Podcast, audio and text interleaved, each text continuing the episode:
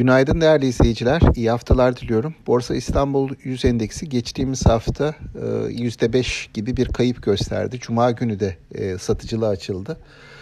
E, günü de eksi de kapattı ama son yarım saatte Cuma günü bir miktar alım geldi piyasaya ve bu son yarım saatte gelen alımlarda endeksin acaba dip seviyeleri burası mıydı, buradan bir dönüş mü yaşarız şeklinde bir beklenti uyandırmış oldu.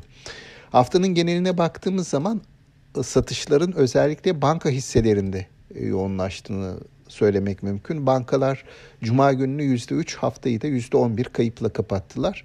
Ki yılbaşından bu yana gördüğümüz kayıp da banka hisselerinde %17'ye ulaştı. E, bankacılık sektöründe gerek düzenlemeler e, gerekse de e, bu düzenlemelerin e, sektörün karlılığına etkileri bir miktar satış getiriyor açıkçası.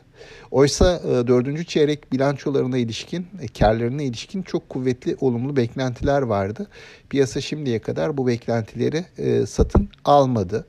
Burada hem bu bahsettiğim düzenlemelerin e, orta uzun vadeli etkileri hem de bir miktar jeopolitik risk algısının son dönemde e, ön plana çıkmasının etkili olduğunu düşünüyorum. Yeni haftaya başlarken Cuma günü son yarım saatte gördüğümüz o alım ivmesi bu haftaya başlarken de bir miktar etkili olur düşüncesi var, iyimserliği var. E, dolayısıyla Bugün açılışta e, o cuma günkü kapanışta gördüğümüz, son yarım saatte gördüğümüz olumlu havanın etkisiyle bir miktar toparlanma çabası izleyebiliriz. Ama sonrasında borsada e, temel beklentiler çok fazla değişmedi. E, bu hafta içerisinde hem bilançoların etkisiyle günlük hisse değişimleri görebiliriz. Ama orta uzun vadeli trend şimdilik baskı altında kalmaya devam edecek gibi görünüyor.